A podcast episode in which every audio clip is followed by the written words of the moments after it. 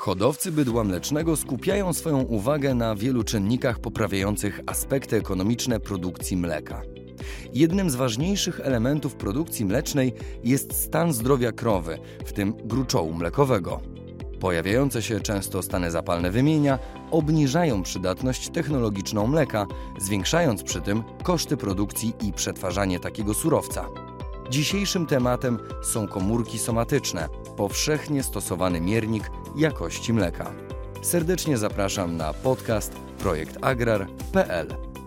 Dzień dobry. Zacznijmy zatem od podstaw. Proszę nam powiedzieć, czym są komórki somatyczne w mleku. Dzień dobry. Komórki somatyczne to obumarłe komórki tkanki gruczołowej oraz leukocyty, które przedostają się do mleka w trakcie doju. Warto podkreślić, że komórki somatyczne są w mleku zawsze, bez względu na stan zdrowotny wymienia. Liczba komórek somatycznych w mleku zależy od wielu czynników, np. od stanu zdrowotnego wymienia, okresu laktacji, wydajności mlecznej, pory roku czy nawet stresu. Jakich informacji dostarcza nam znajomość poziomu komórek somatycznych w mleku? Ich ilość określa jakość surowca, jakim jest mleko. Liczba komórek somatycznych w mleku jest również jednym z wyznaczników stanu zdrowotnego wymienia krowy. Leukocyty biorą udział w reakcjach odpornościowych, z których jedną z najbardziej znanych jest fagocytoza. Proces polegający na pochłanianiu przez komórkę obcych cząstek oraz usuwaniu martwych i zniszczonych komórek. Do zwiększenia ilości leukocytów w mleku dochodzi podczas zakażenia tkanki wymienia, ale również w trakcie innych stanów zapalnych. Leukocyty przemieszczają się do zaatakowanego miejsca, np. tkanki płucnej, co skutkuje ich zwiększoną liczbą w całym organizmie, także w mleku. Mhm. A jaka jest wobec tego norma ilości komórek somatycznych w mleku? U zdrowej krowy liczba komórek somatycznych powinna oscylować w granicach 100-150 tysięcy w 1 ml mleka. Przy wielkości powyżej 200 tysięcy należy spodziewać się podklinicznych stanów zapalnych. Z drugiej strony, zbyt niska liczba komórek somatycznych, poniżej 50 tysięcy w 1 ml mleka, może świadczyć o niskim poziomie odporności krowy.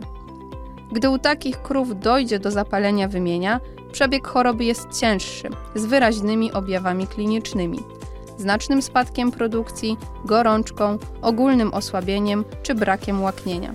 Koszty leczenia takich zwierząt są wyższe niż krów z prawidłowo działającym układem odpornościowym, a okres rekonwalescencji trwa znacznie dłużej.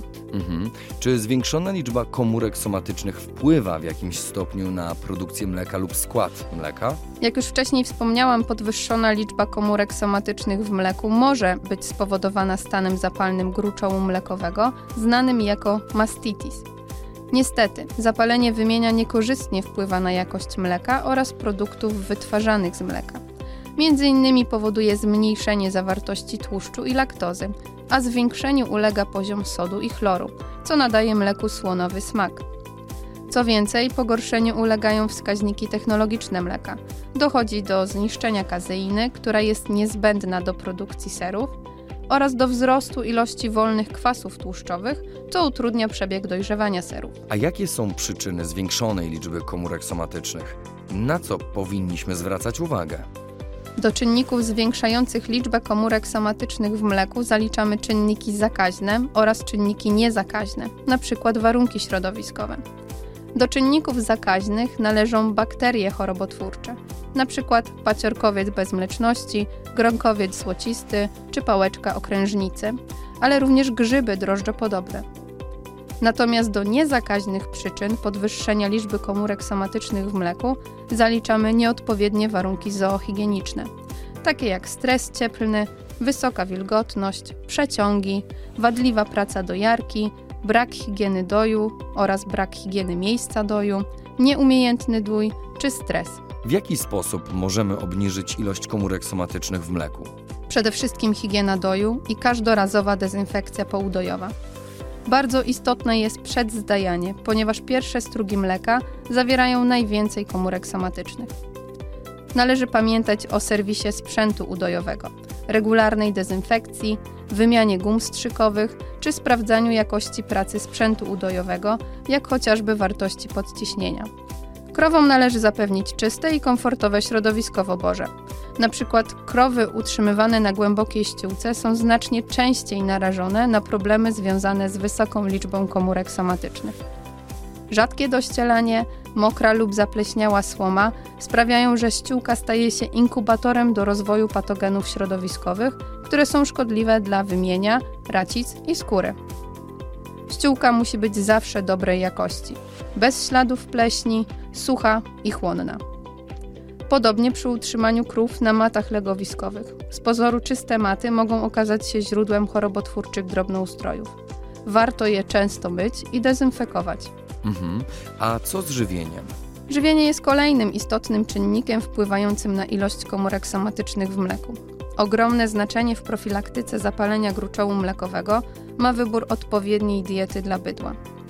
Przyczyną wzrostu ilości komórek somatycznych jest stosowanie przegrzanych i nadpsutych kiszonek i siana, zadawanie źle zbilansowanych pasz, brak stałego dostępu do świeżej i czystej wody, radykalne zmiany sposobu żywienia, a także skarmianie mieszanek ubogich w mikro i makroelementy.